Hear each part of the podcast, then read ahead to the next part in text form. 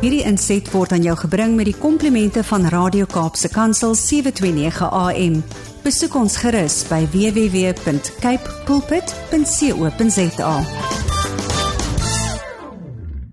Hier op Radio Kaapse Kansel gaan ons nou opera toe and it's always wonderful to talk about opera. I've got a very soft spot, worked with Cape Town Opera for so many years and had the privilege of seeing the wonderful soloist of uh, Verdi's La Traviata and uh, Brittany Smith as uh, Violetta growing up and becoming a wonderful dame of the opera. Welcome and it's lovely chatting to you. How are you?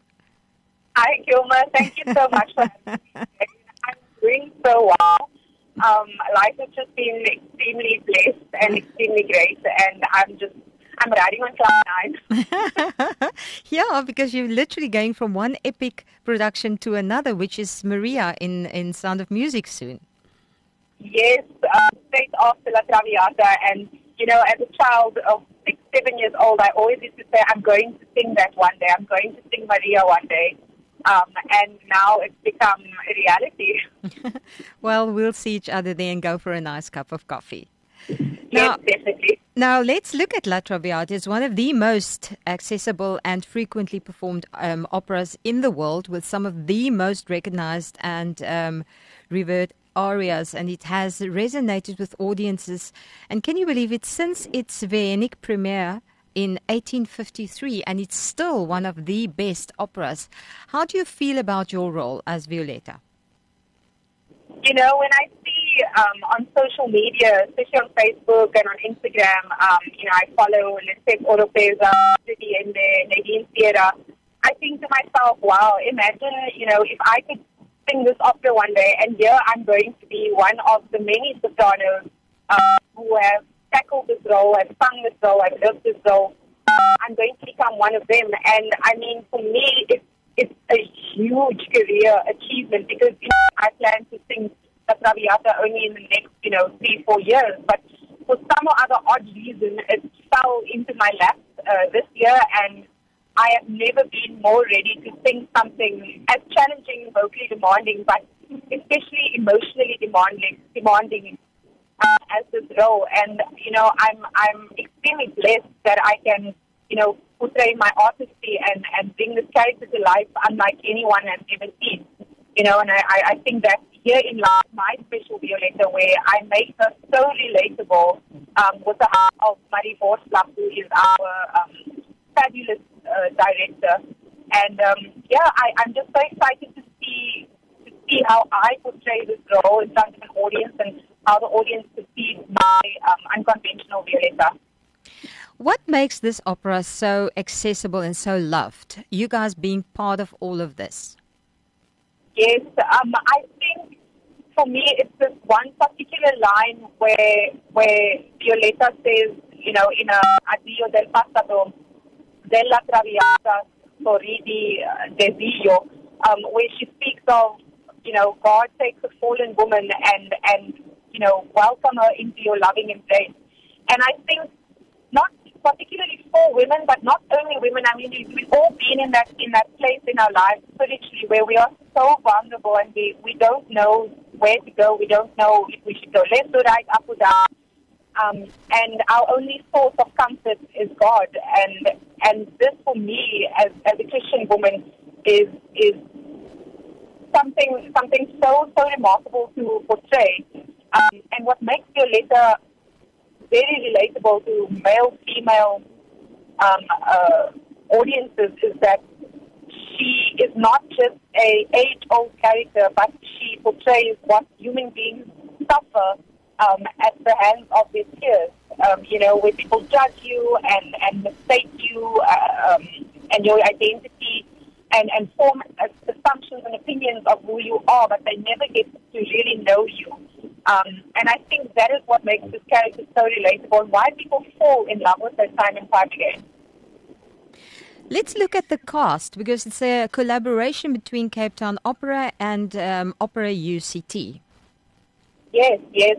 Um, I must say, I was telling uh, Maestro Silver, who's going to be leading um, some of the performances alongside um, Maestro Marvin Kernelle, that the students that I'm working with alongside um, in, you know, the double cast roles, they are the most wonderful bunch of people I've ever had the pleasure of working with, um, especially my fellow Violetta. I think Ondalwa Martin is going to sing and give everything of this role, and I'm just so excited to be to be able to share a stage with her and a character with her, and work through this character and getting to know this character with someone. You know, we're constantly learning from one another um, on stage, off stage, in the rehearsal room, and I think that is what is so important about this collaboration is that you learn things, even though you are professional and you may be slightly more experienced than than the other singers in the room you still learn from them.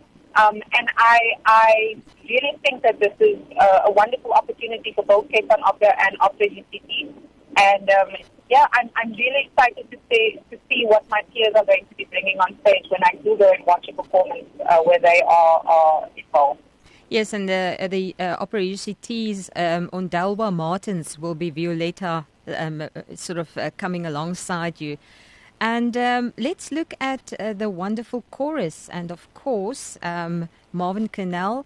and um, he is uh, he combined the chorus of Cape Town Opera in, in an opera UCT. Let's talk about their role. Look, I've never, I've never a chorus as involved with the story of Violetta as as I see in this production. Um, and I think under Maestro Kernelle's wonderful, you know, hand and, and, and music music intention, um, the chorus is really going to bring a lot of tears to, to eyes, especially in the scene where they come up for Violetta and tell Alfredo what a horrible human being he is being towards her. uh, and I there's no one better, in my opinion, than um, to take such a, a diverse, uh, dynamic group of people and, and transform it into one unit than um, Maestro Kernelle and it's, it's such a pleasure working with him when he takes over, you know, from Jeremy in the rehearsal, um, when he conducts. It's always so lovely, you know, comparing the two together to see what they want, what Jeremy wants and what Marvin wants, and trying to marry the two together. And the end product is, is always something astounding. And of course, Cape Town Philharmonic Orchestra will be um, under the baton of Jeremy Silver. And I think for him it's very, very special. La Traviata, like a special significance, being the first yes. opera he ever conducted in South Africa at the State Theatre in Pretoria in 2004. So he's come a long way, and it's wonderful seeing the full circles happening in yes. in the world of opera like that.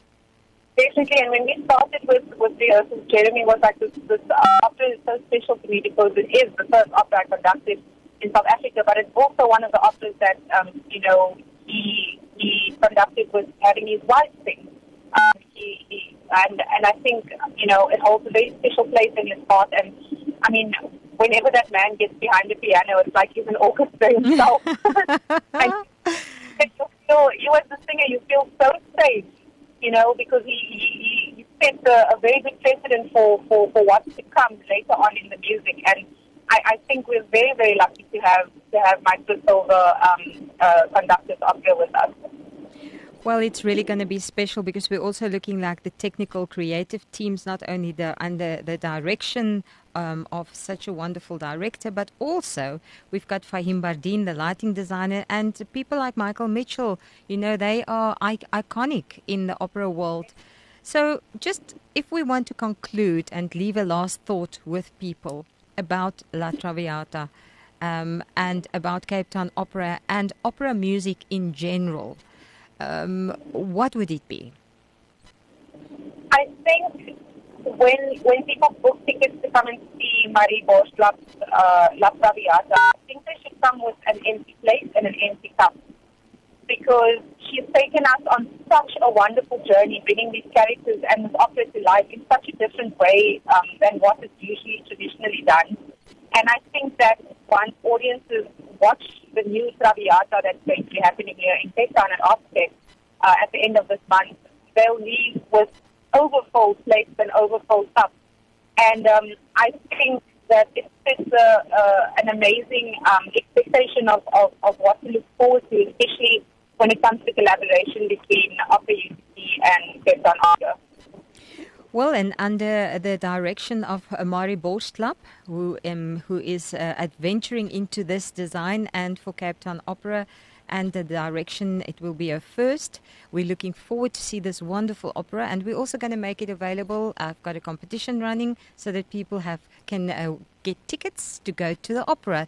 Brittany, it was really great chatting to you in your lunchtime. Have a wonderful rehearsal further, and uh, may you be blessed for the blessing you are to all of us. And listening to Oh. your voice, um, it's angelic, and uh, the growth in it is so f- spectacular. And I know that you give God all the honor, and may you be blessed for that.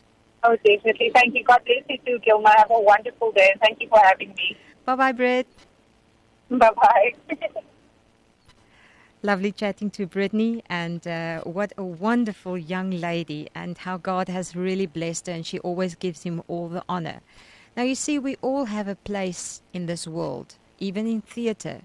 We all need to be where God wants us to shine. And even though those colorful theater worlds can be so lonely and, and can be so dark sometimes, we are the light in those areas, and she is one of them. Wonderful opera La Traviata of Verdi's Artscape um, from 26th to 29th of October. Hierdie inset was aan jou gebring met die komplimente van Radio Kaapse Kansel 729 AM.